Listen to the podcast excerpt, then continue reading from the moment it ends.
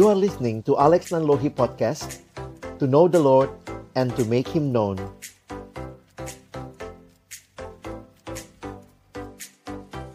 Mari berdoa sebelum kita membaca merenungkan firman Tuhan.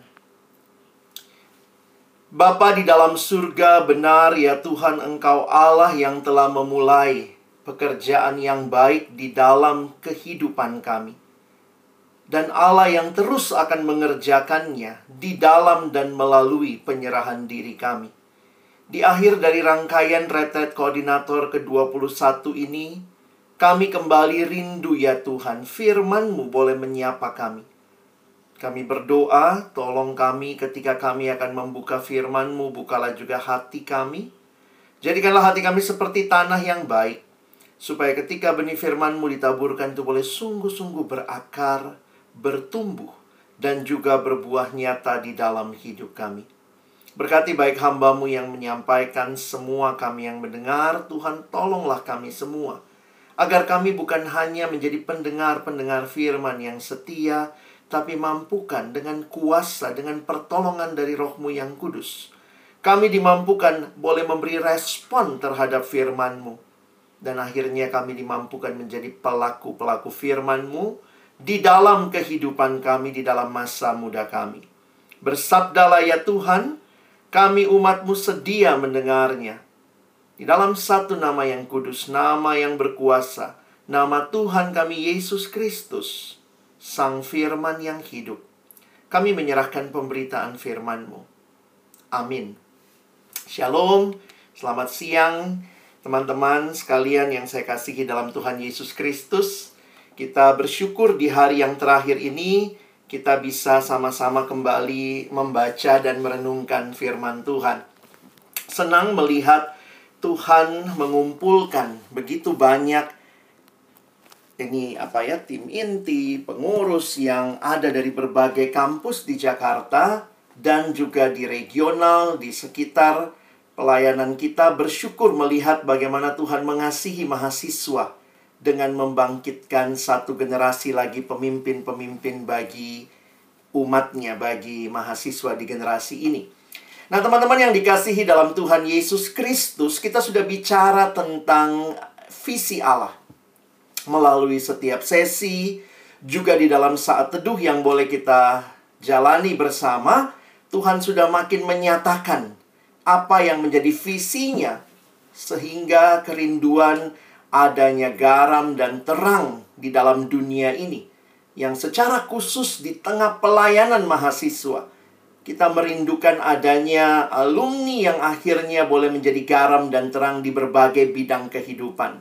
Tapi tentunya bukan hanya waktu alumni nantinya, sejak mahasiswa. Bahkan ada teman-teman yang melayani siswa di sini sejak siswa. Kita merindukan ada orang-orang yang menangkap visi Allah dan juga mau menghidupinya.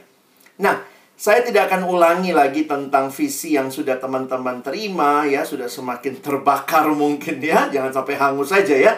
Bahwa saya harus mengerjakan ini bagian yang Tuhan mau kita teruskan untuk melayani generasi ini. Tetapi abang coba merenungkan ya, ketika Tuhan Yesus melayani.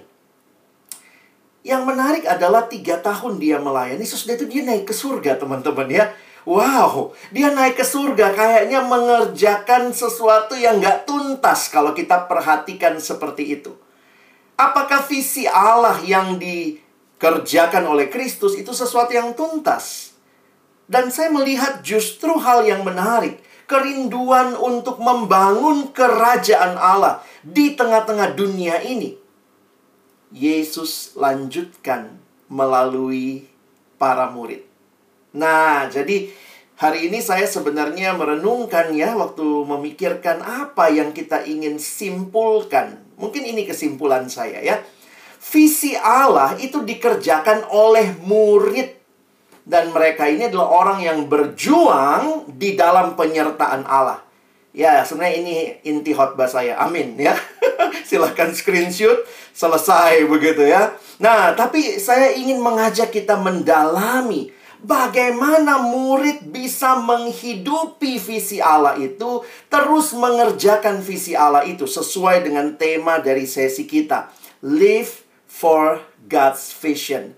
Karena hanya muridlah orang-orang yang akan melanjutkan visi Allah itu. Karena itu pastikan di akhir ini ya.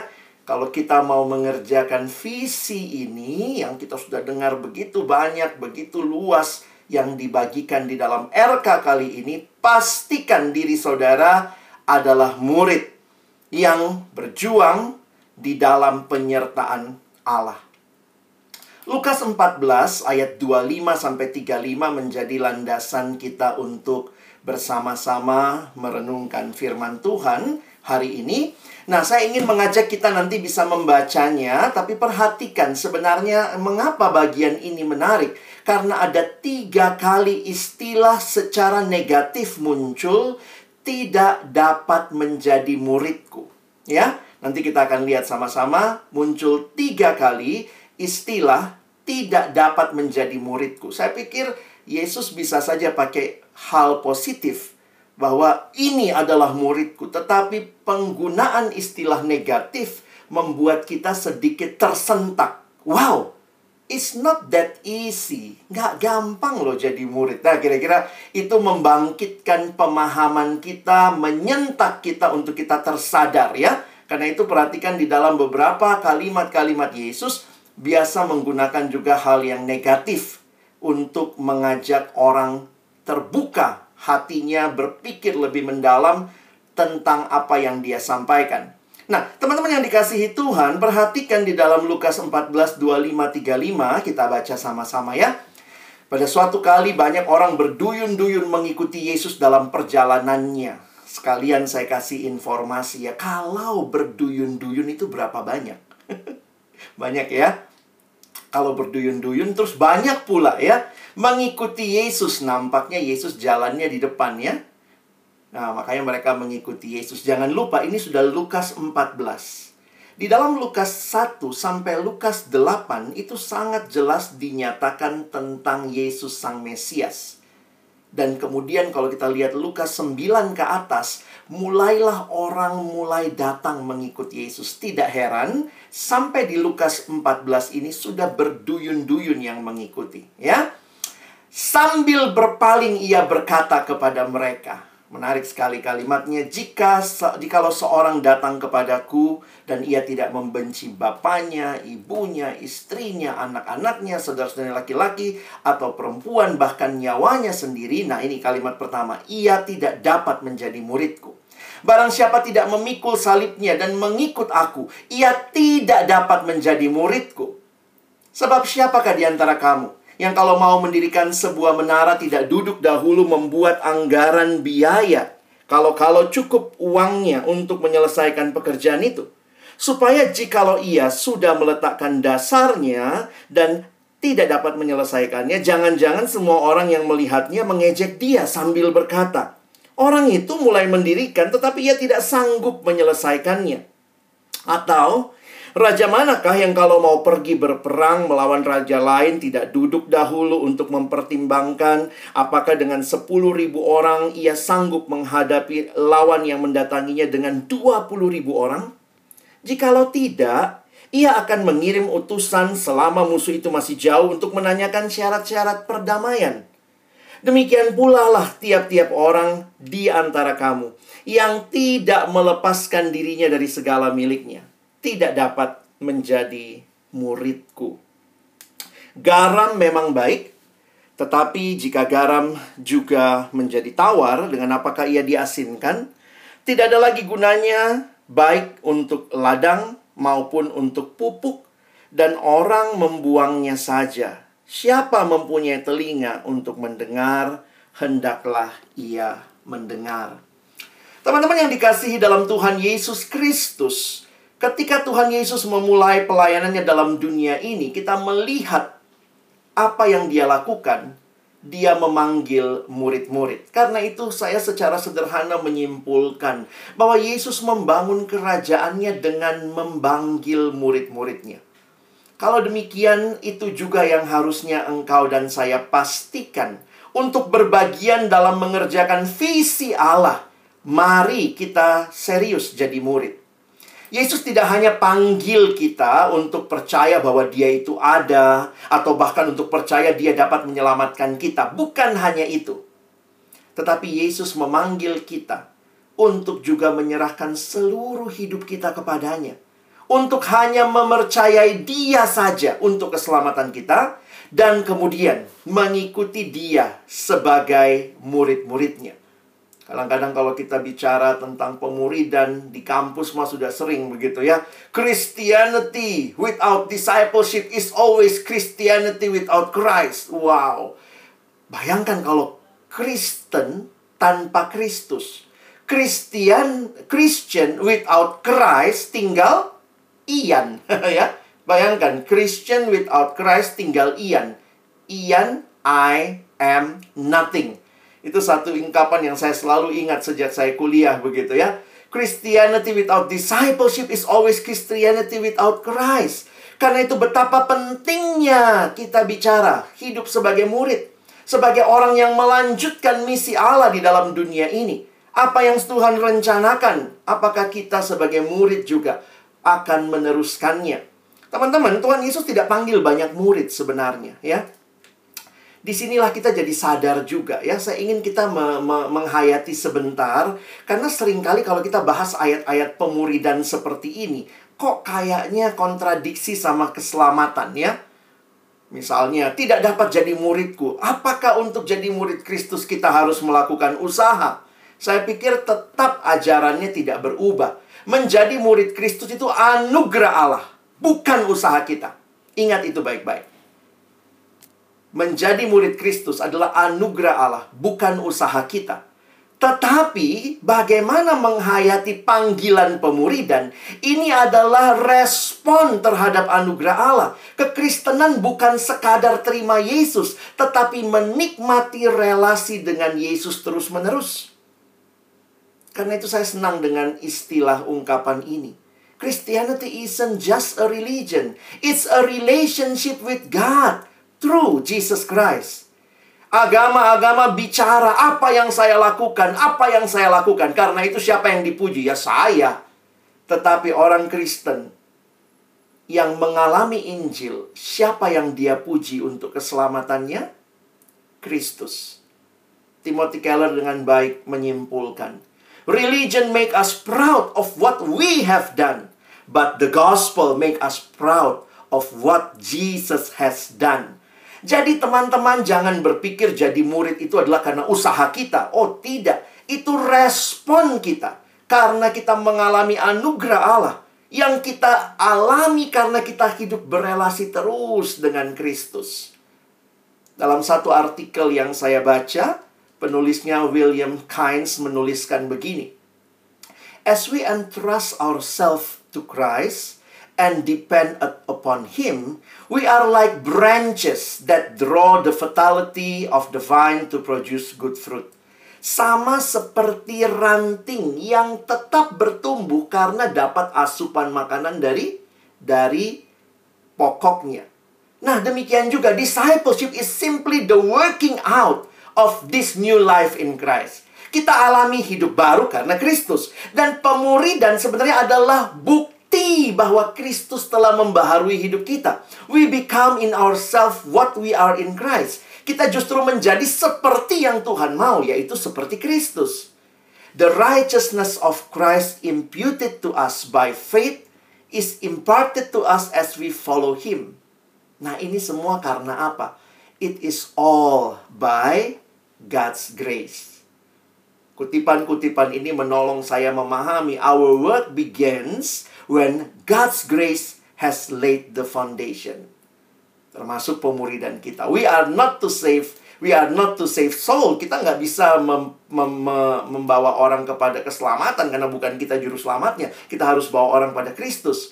Dan bagian kita selanjutnya adalah menolong dia bertumbuh sebagai murid. Ya, Nah, coba clear dulu pemahaman kita. Nanti kalau kita lihat tuntutannya ini, ini, ini, ini, itu bukan sesuatu untuk menjadikan kita murid. Itu adalah sesuatu yang justru membuktikan memang kita murid. Harusnya begitu ya. Nah, di situ saya pikir hal yang sangat indah memahami keselamatan dan karya Allah. Nah, yang kedua untuk memahami murid ya. Ingat ini bukan pencapaian. Hidup sebagai murid adalah perjalanan seumur hidup. Ini bukan suatu pencapaian tetapi sebuah proses.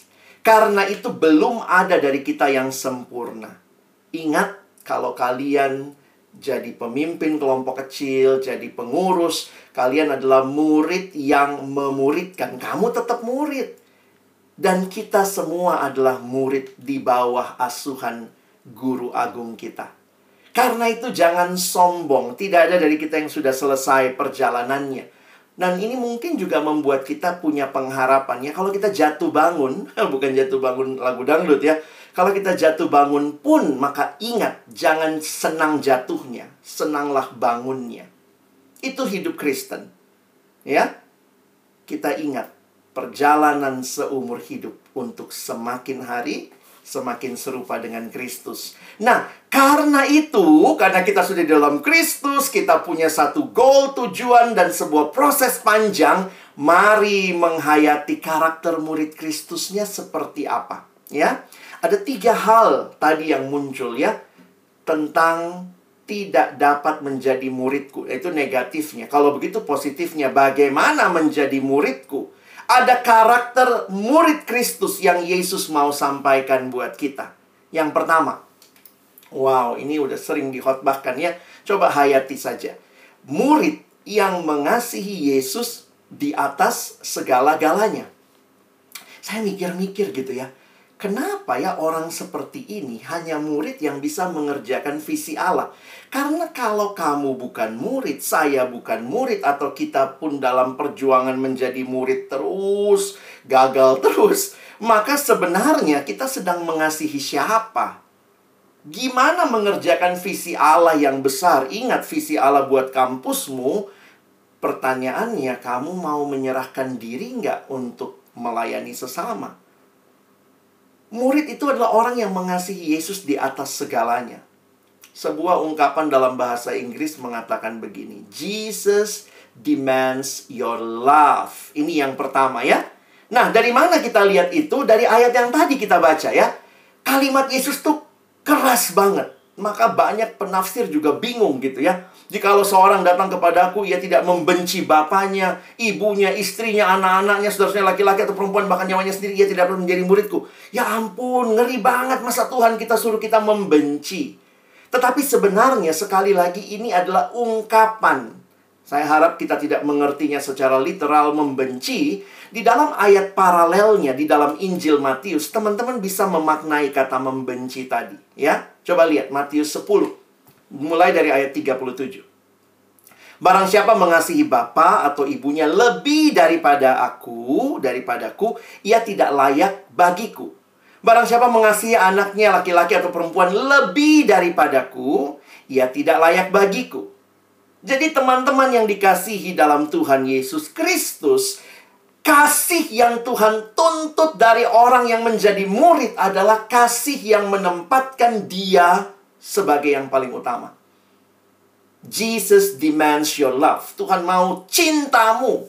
Wow, kenapa ya? Sebuah buku ditulis yang mengatakan begini, you are what you love. Kita itu katanya manusia yang pecinta, ya. Jadi kita tuh akan selalu mencinta. Maka pertanyaannya, di mana kau letakkan cintamu?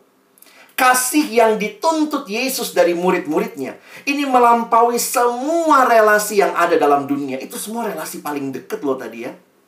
Coba lihat ya bapaknya, ibunya, anak-anaknya, saudaranya laki-laki, saudaranya perempuan. Siapa Yesus ini yang berani menuntut kasih kepadanya lebih daripada yang paling dekat dari kita? Setiap relasi dalam hidup kita harus lebih rendah, tanda kutip, dibandingkan dengan cinta kita kepada Yesus. Hidup sebagai murid bukan hanya tentang melakukan sesuatu untuk Yesus sebagai kewajiban, tetapi sebenarnya keindahannya di sini. Kita melakukannya karena kita suka. Karena kita senang. Nah, Yesus mau hati yang seperti ini. Hati yang memang menempatkan dia sebagai segala-galanya. Mungkin kamu bilang, wah kok Tuhan Yesus sampai segitunya gitu ya. Karena banyak hal baik dalam hidup.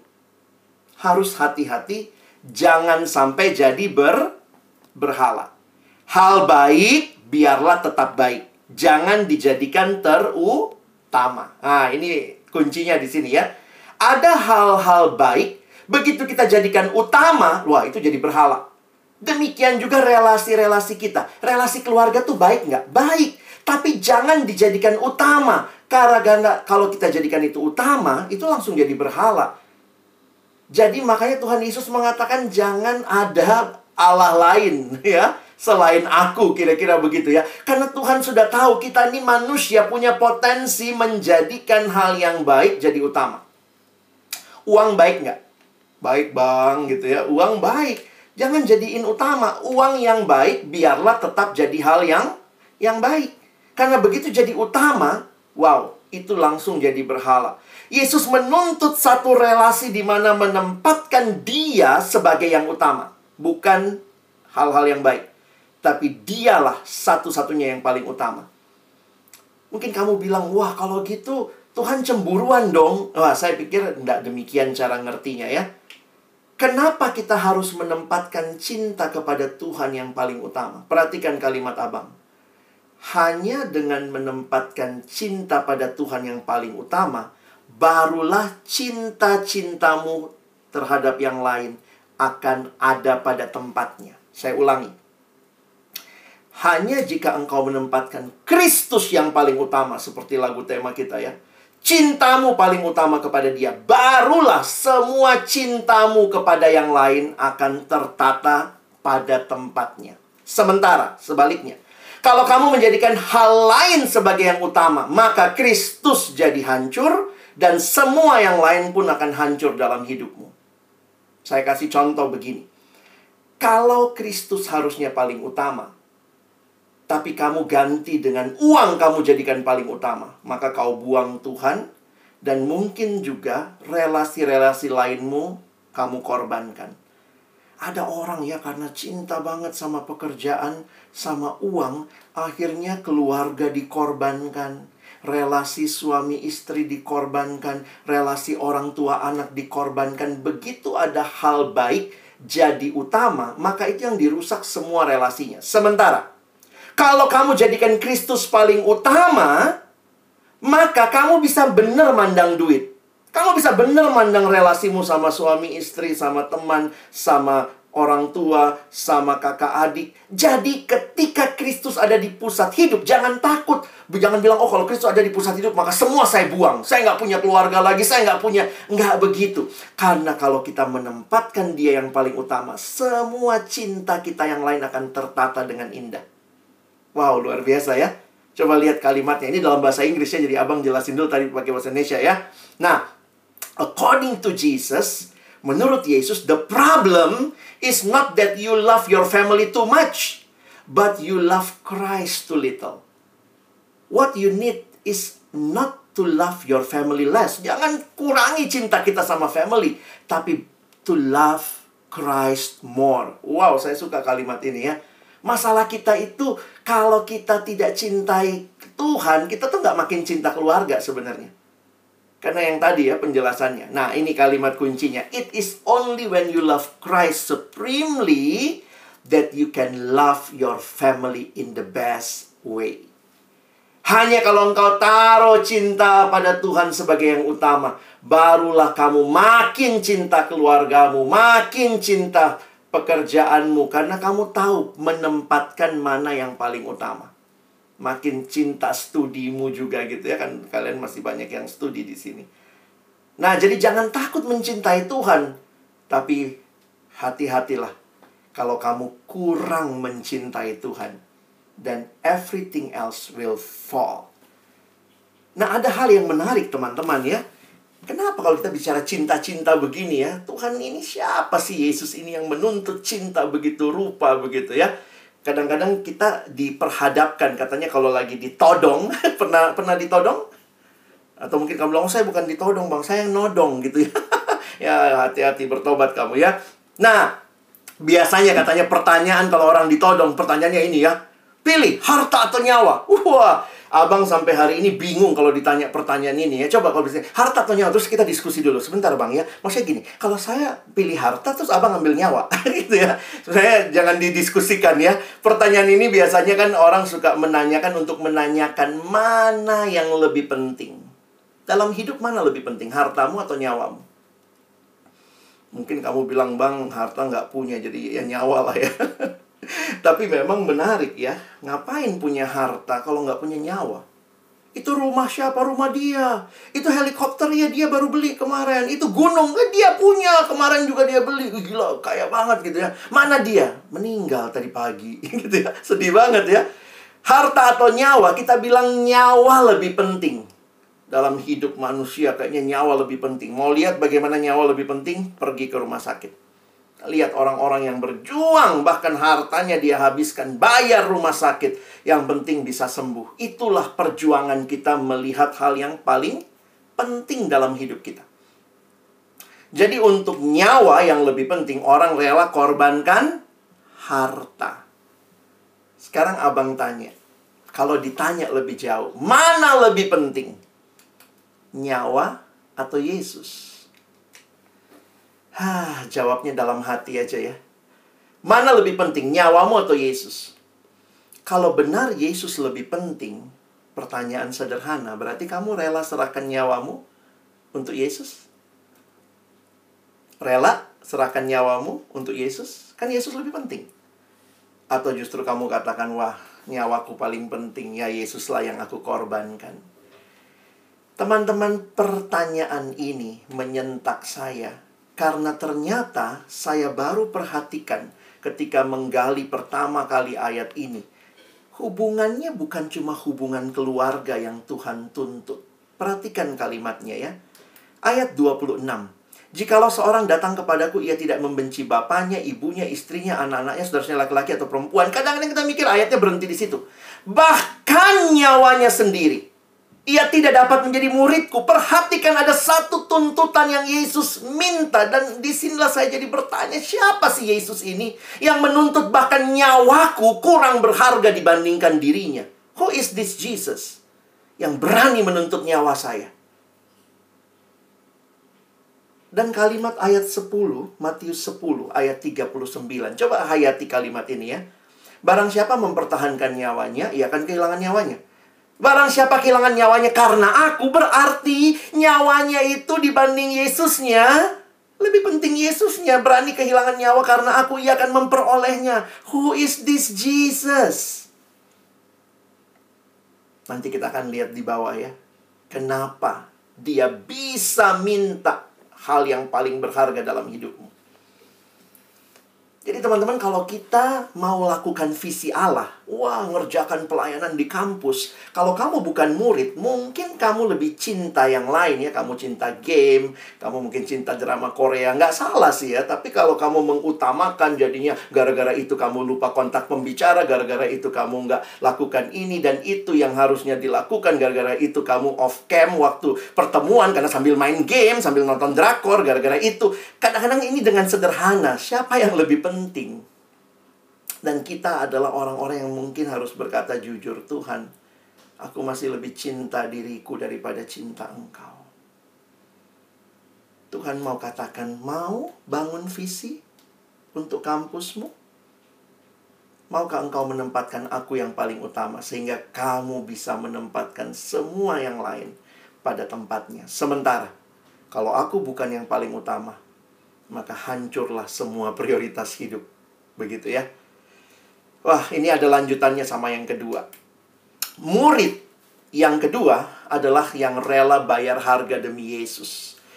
Wow, waktu merenungkan ini juga dalam bahasa Inggris saya tuliskan begini, Jesus demands your life. Kenapa teman-teman? Perhatikan kalimatnya. Barang siapa tidak memikul salibnya dan mengikut aku, ia tidak dapat menjadi muridku. Ini kali kedua muncul istilah tidak dapat menjadi muridku. Yesus bicara soal memikul salib. Teman-teman jangan lupa, memikul salib pada zaman Yesus, Yesus sendiri belum disalib waktu dia bicara ini. Betul ya? Yesus belum disalib dong, masih Lukas 14, nanti disalibnya di belakang gitu. Nah, ini mau menunjukkan ternyata memikul salib itu pemandangan umum di masa Yesus. Karena orang Romawi memilih hukuman penyaliban untuk mempermalukan bangsa-bangsa lain, untuk membunuh bangsa-bangsa lain dan hukuman penyaliban itu biasa di masa Yesus dengan cara apa? Orang yang akan disalib akan memikul salibnya sendiri. Jadi jangan kalian pikir cuma Yesus yang pikul salibnya. Yang lain di dibawa pakai drone, pakai crane gitu. Enggak. Semua pada masa itu biasa kalau menuju ke tiang penyalipan, dia akan pikul salibnya sendiri. Nah, teman-teman, ini satu gambaran yang menarik untuk kita perhatikan bahwa pada waktu itu orang yang pikul salib cuma punya satu tujuan, yaitu mati. Betul ya? Nggak ada orang lagi pikul salib, terus eh hujan, eh mendung, eh bentar ya, angkat jemuran dulu, terus dia pulang. Nggak ada. Yang namanya orang yang memikul salib Cuman satu tujuannya. Rela mengorbankan dirinya. Rela membayar harga. Wow, teman-teman ini juga jadi hal menarik ya. Tuhan Yesus ini lagi perekrutan apa sih? Coba ya. Saya waktu perhatikan ini, ini Yesus lebih gila loh daripada ISIS, ISIS perekrutan ISIS ya. Karena perekrutannya akan bilang, siapa yang mau ikut aku? Cintanya harus padaku, paling utama tinggalkan keluargamu, benci keluargamu, aku harus paling utama. Ini kayak kayak persis kan kayak isi-isi itu ya. Terus yang kedua lagi ya, mau ikut aku, mau nggak mati buat aku. Berarti aku lebih penting dari di hidupmu. Wih, siapa orang ini yang berani meminta hidup kita dan merasa dirinya lebih penting dari kita? Who is this Jesus? Yesus menuntut para muridnya untuk memikul salib yang berarti menanggung penderitaan demi Kristus. Ini berarti bahwa hidupmu bukan lagi milikmu dan tentang dirimu. Hidupmu adalah untuk Kristus dan tentang Kristus. Manusia pada dasarnya sangat mementingkan diri sendiri. Undangan Yesus ini adalah agar kita mati terhadap diri sendiri. Wow. Tapi melalui kematian terhadap diri sendiri, barulah kita bisa hidup untuk Dia. Dying to live jika kita tidak mati terhadap diri sendiri, maka apa yang akan terjadi? Kita akan terus hidup untuk diri sendiri. Jadi, siapa yang Tuhan panggil mengerjakan visi ini? Orang yang mau berkata tidak kepada diri dan keinginannya, mati terhadap diri, dan mau berkata ya untuk Tuhan. Makanya, orang kalau di dalam dosa, dosa itu kan ciri utamanya titiriri, teman-teman ya mati-matian untuk diri sendiri. Orang dalam dosa sulit melayani. Agak sulit. Makanya kalau pengurus terus dalam dosa yang sama jatuh lagi di situ, itu akan sulit melayani. Karena apa? Dosa selalu fokusnya diriku, diriku, apa yang aku suka, apa yang aku senang. Tapi kalau kita dalam Kristus selalu berpikir apa yang menyenangkan Tuhan, apa yang membahagiakan orang, apa yang bisa saya lakukan bagi sesama. Karena itu, kita butuh sikap murid yang mati terhadap diri, tapi hidup untuk Allah. Dan ini digambarkan lebih jauh ya, disuruh hitung ya. Coba lihat ya. Pasal 14 ayat 28, siapa yang mau bangun menara yang tidak hitung dulu. Maksudnya Tuhan cuma mau ingatkan kita ingat loh. Ikut dia tuh ada konsekuensinya dan siapkah kita menanggungnya. Supaya jangan cuman panas di awal. Wah, kalau jadi pengurus kan ini baru mulai jadi pengurus. Wah, fotonya memenuhi IG, Instagram ya, pengurus bidang ini, pengurus bidang ini, semua foto terbaik ditaruh gitu ya. Terus ke mana nanti satu tahun kemudian? Eh, jangan satu tahun deh, sebulan kemudian, toto ada yang ada yang ghosting di pengurus, set mundur gitu ya. Wah, ada yang kemudian karena pergumulan. Jadi memang ini kita butuh berjuang sama-sama teman-teman ya. Kita butuh komunitas kok. Kita tidak bisa berjalan sendiri. Lihat lagi kalimatnya ya. Soal perang. Mana ada raja yang perang tidak hitung-hitung kekuatan dulu. Kalau musuhnya 20 ribu, dia cuma sedikit, maka dia akan berjuang. Nah teman-teman ini semua menggambarkan ada harga yang harus dibayar. Tapi di sinilah saya berhenti dan saya coba kaitkan dengan yang pertama tadi. Gimana bisa saya bicara I love Jesus? I want to give everything to him. Siapa sih Yesus ini? Buat kita yang jadi murid, tentu kita tidak lupa. Sebelum engkau dan saya bilang, saya mengasihimu Tuhan. Dia telah terlebih dahulu mengasihi kita. 1 Yohanes 4 ayat 9 berkata, "Bukan kita yang mengasihi Tuhan, tetapi Tuhanlah yang mengasihi kita." You can say I love Jesus only because he loves you first. Teman-teman, sebenarnya istilah bayar harga kurang pas dalam perenungan saya. Karena bayar harga itu seperti Tuhan lagi ngutang sesuatu terus kita bayar sama dia. Terus kita bilang impas ya Tuhan ya, impas ya. Tuhan udah kasih ini oke nih, saya kasih balik. Sebenarnya kalau engkau menghayati kasih Tuhan, tidak ada yang terlalu mahal untuk engkau dan saya berikan. Karena dia telah memberikan segalanya bagi kita. If he wants your whole life, your love, kasihmu, hidupmu, dia berhak. Karena dialah yang terlebih dahulu memberikan dirinya bagi kita. Teman-temanku, kita dipanggil oleh Tuhan yang bukan cuma om do, omong doang. Pergi ya, jadikan semua bangsa muridku ya, lakukan visiku ya, rela bayar harga ya, rela pikul salib ya. Semua yang dia minta, dia telah lakukan terlebih dahulu. Dan ini membuktikan cintanya yang tidak pernah dibandingkan dengan semua cinta yang lain. Dia pantas menerima cintamu, cintaku yang terutama.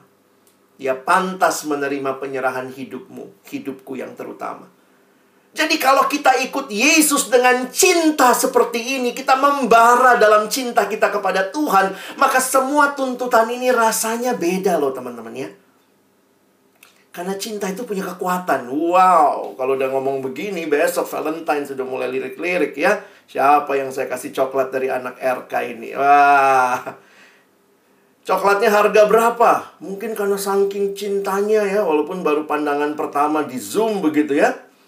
Makanya rajin-rajin buka kamera teman-teman ya, supaya dapat coklat besok. Kalimat ini bagi saya sangat berkesan. Cinta sanggup mengubah kewajiban jadi kerinduan. Kadang-kadang pakai istilah komitmen itu rasanya berat banget ya. Siapa pulang dari sini mau punya komitmen? Sekarang saya ganti, abang ganti. Siapa yang pulang dari sini mau mencintai Tuhan yang sudah mencintaimu?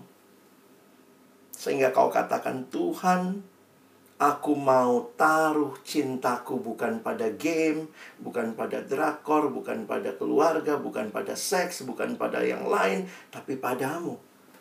Tuhan, aku mau bangun pagi saat teduh itu kerinduan, bukan kewajiban di RK bangun jam 5 saat teduh. Ih, rasanya gimana ya? Tapi apakah setelah ini kita tetap punya kerinduan yang sama? Teman saya benci banget bahasa Jerman. Saya sering cerita ya. Dia benci banget bahasa Jerman ya. Dulu waktu SMA tuh ada pelajaran bahasa Jerman. Kesel dia. Eh, pas ketemu lagi beberapa tahun kemudian, dia lagi les bahasa Jerman. Kita sampai geli gitu. Gila lo, ngapain lu belajar bahasa Jerman? Calon gue orang Jerman, Waduh, ternyata calon pasangan hidupnya orang Jerman. Apa yang terjadi? Karena calon pasangan hidupnya orang Jerman, sekarang dia belajar bahasa Jerman out of love. Dia bilang sama saya, saya ingin bisa ngomong hati ke hati dengan bahasa yang dia mengerti. Bahasa ibunya dia. Wow, ih cinta bisa sampai gitu. Dulu yang maki-maki guru bahasa Jerman, dia bolos mulu gitu ya. Oh, cinta mengubah kewajiban jadi kerinduan. Kalau kalian pulang dengan cinta, ingat cinta Tuhan yang dia nyatakan di kayu salib, kalian akan lakukan. Mau bikin program, kontak pembicara, lakukan ini, memaintain sosial media, lakukan pelayanan, rapat, if that is out of love. Mungkin itu bukan namanya komitmen lagi ya, tapi lebih kepada kerinduan, kecintaan dan ini yang saya rindukan karena banyak orang bikin komitmen tapi begitu cintanya tidak ada itu jadi beban loh. Pulang nanti baca lagi jadi aduh gue pernah nulis ini ya. Aduh salah banget ngapain gue nulis gitu ya. Tapi kalau kita tahu ada satu pribadi yang sudah mencintai kita habis-habisan. Maka kita pun akan berkata, Tuhan kalau saya gagal, saya mau bangkit lagi. Mencintaimu habis-habisan. Perjalanan jadi murid itu perjalanan apa? Perjalanan membangun cinta. Wih. biar ada hubungannya sama Valentine ya. Makin cinta Yesus hari demi hari. Itu adalah perjalanan seumur hidup. Yang kamu mulai dengan buka hati terima Yesus sebagai Tuhan, Juru Selamat satu-satunya. Serta terus mengutamakan dia. Bukan cuma di RK ini lagunya Kristus yang terutama. Tapi terus mengutamakan dia di dalam keseluruhan hidup kita. Saudara mau perjalanan cintamu dimulai dengan Tuhan? Karena itu muncul kerinduan-kerinduan untuk melayani Dia, untuk beri yang terbaik, untuk kerjakan visinya, untuk jadi pengurus lebih sungguh-sungguh, untuk jadi PKK yang lebih sungguh-sungguh, lebih serius, out of love. Terakhir, murid itu seperti apa lagi? Wah, ini udah kesimpulan lagi ya. Murid yang menyerahkan segalanya bagi Yesus ada udah semuanya lah ya. Memang uh, Yesus men menjelaskannya dengan lebih simple ya. Jesus demands your all. Kalimat di ayat 33, demikian pula lah tiap-tiap orang di antara kamu yang tidak melepaskan dirinya dari segala miliknya, tidak dapat jadi muridku. Kalimat yang tegas dan keras ini diminta oleh seorang yang mencintaimu luar biasa. Sehingga kalau engkau berkata, aku ingin melepaskan semuanya, memberikan segalanya. Itu bukan sesuatu yang merugikan. Tapi itu sesuatu yang bahkan tidak mungkin engkau dan saya balas. Keselamatan itu gratis, tapi hidup sebagai murid menuntut seluruh hidup yang engkau miliki. Keseluruhan hidupmu. Billy Graham berkata salvation is free, but discipleship costs everything we have. Murid sejati adalah murid yang meninggalkan segalanya untuk mengikut Yesus. Bukan memberi sebagian, bukan memberi sebagian besar, tetapi memberikan semuanya untuk Yesus. Untuk menjadi murid Yesus berarti juga mengorbankan semua yang engkau miliki. Ini semua mengulang apa yang sudah kita lihat tadi. Teman-teman, Tuhan memanggilmu memintamu untuk menghidupi hidup murid yang telah Dia karuniakan dalam anugerah keselamatan. Ayat 34 dan 35 ini bicara garam ya. Mirip kayak di awal yang Bang Abe bawain tapi ternyata ada beda konteks. Jadi Tuhan Yesus tuh bisa pakai beberapa gambaran untuk konteks yang berbeda. Gambarannya apa? Kenapa dia tutup bagian ini dengan ayat 34 35? Garam memang baik, tetapi jika garam juga menjadi tawar dengan apakah ia diasinkan, maksudnya apa? Tidak ada lagi gunanya baik untuk ladang maupun untuk pupuk. Ternyata juga waktu itu biasanya sisa garam itu ada dipakai buat pupuk ya. Karena itu mengikat senyawa senyawa-senyawa di udara. Dan orang membuangnya saja. Siapa mempunyai telinga untuk mendengar, hendaklah ia mendengar. Mengapa kalimat ini keluar? Gambarannya begini mengikut Tuhan kalau separuh hati adalah ibarat garam yang berubah jadi nggak asin. Garam yang kehilangan rasa asin berarti kehilangan fungsinya. Ingat, ini di zaman Yesus. Garamnya bukan senya, bukan yang kimiawi seperti kita ya. Garam itu biasanya diambil dari laut mati dalam bentuk bongkahan. Jadi itu kalau mungkin banyak kena oksidasi ya udah hilang tuh garamnya ya. Garam yang kehilangan rasa asin berarti kehilangan fungsinya. Demikian juga menjadi murid Tuhan yang setengah-setengah sama saja tidak berfungsi apa-apa. Tidak ada gunanya selain dibuang. Teman-teman, ayat yang indah ini menantang kita untuk mengerjakan visi Allah sebagai murid. Murid yang cintanya untuk Tuhan, hidupnya untuk Tuhan, segalanya untuk Tuhan.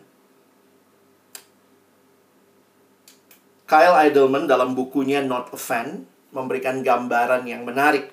Dia katakan bayangkan berbagai hal yang berharga bagi kita. Ada Yesus, pacar, keluarga, sahabat, pelayanan, studi, pekerjaan. Sedang ada di garis start lomba lari untuk merebut tahta hati kita. Dia katakan Yesus tidak mau menjadi nomor satu dalam lomba tersebut. Dia mau hanya dia satu-satunya pelari dalam perlombaan itu. Wow.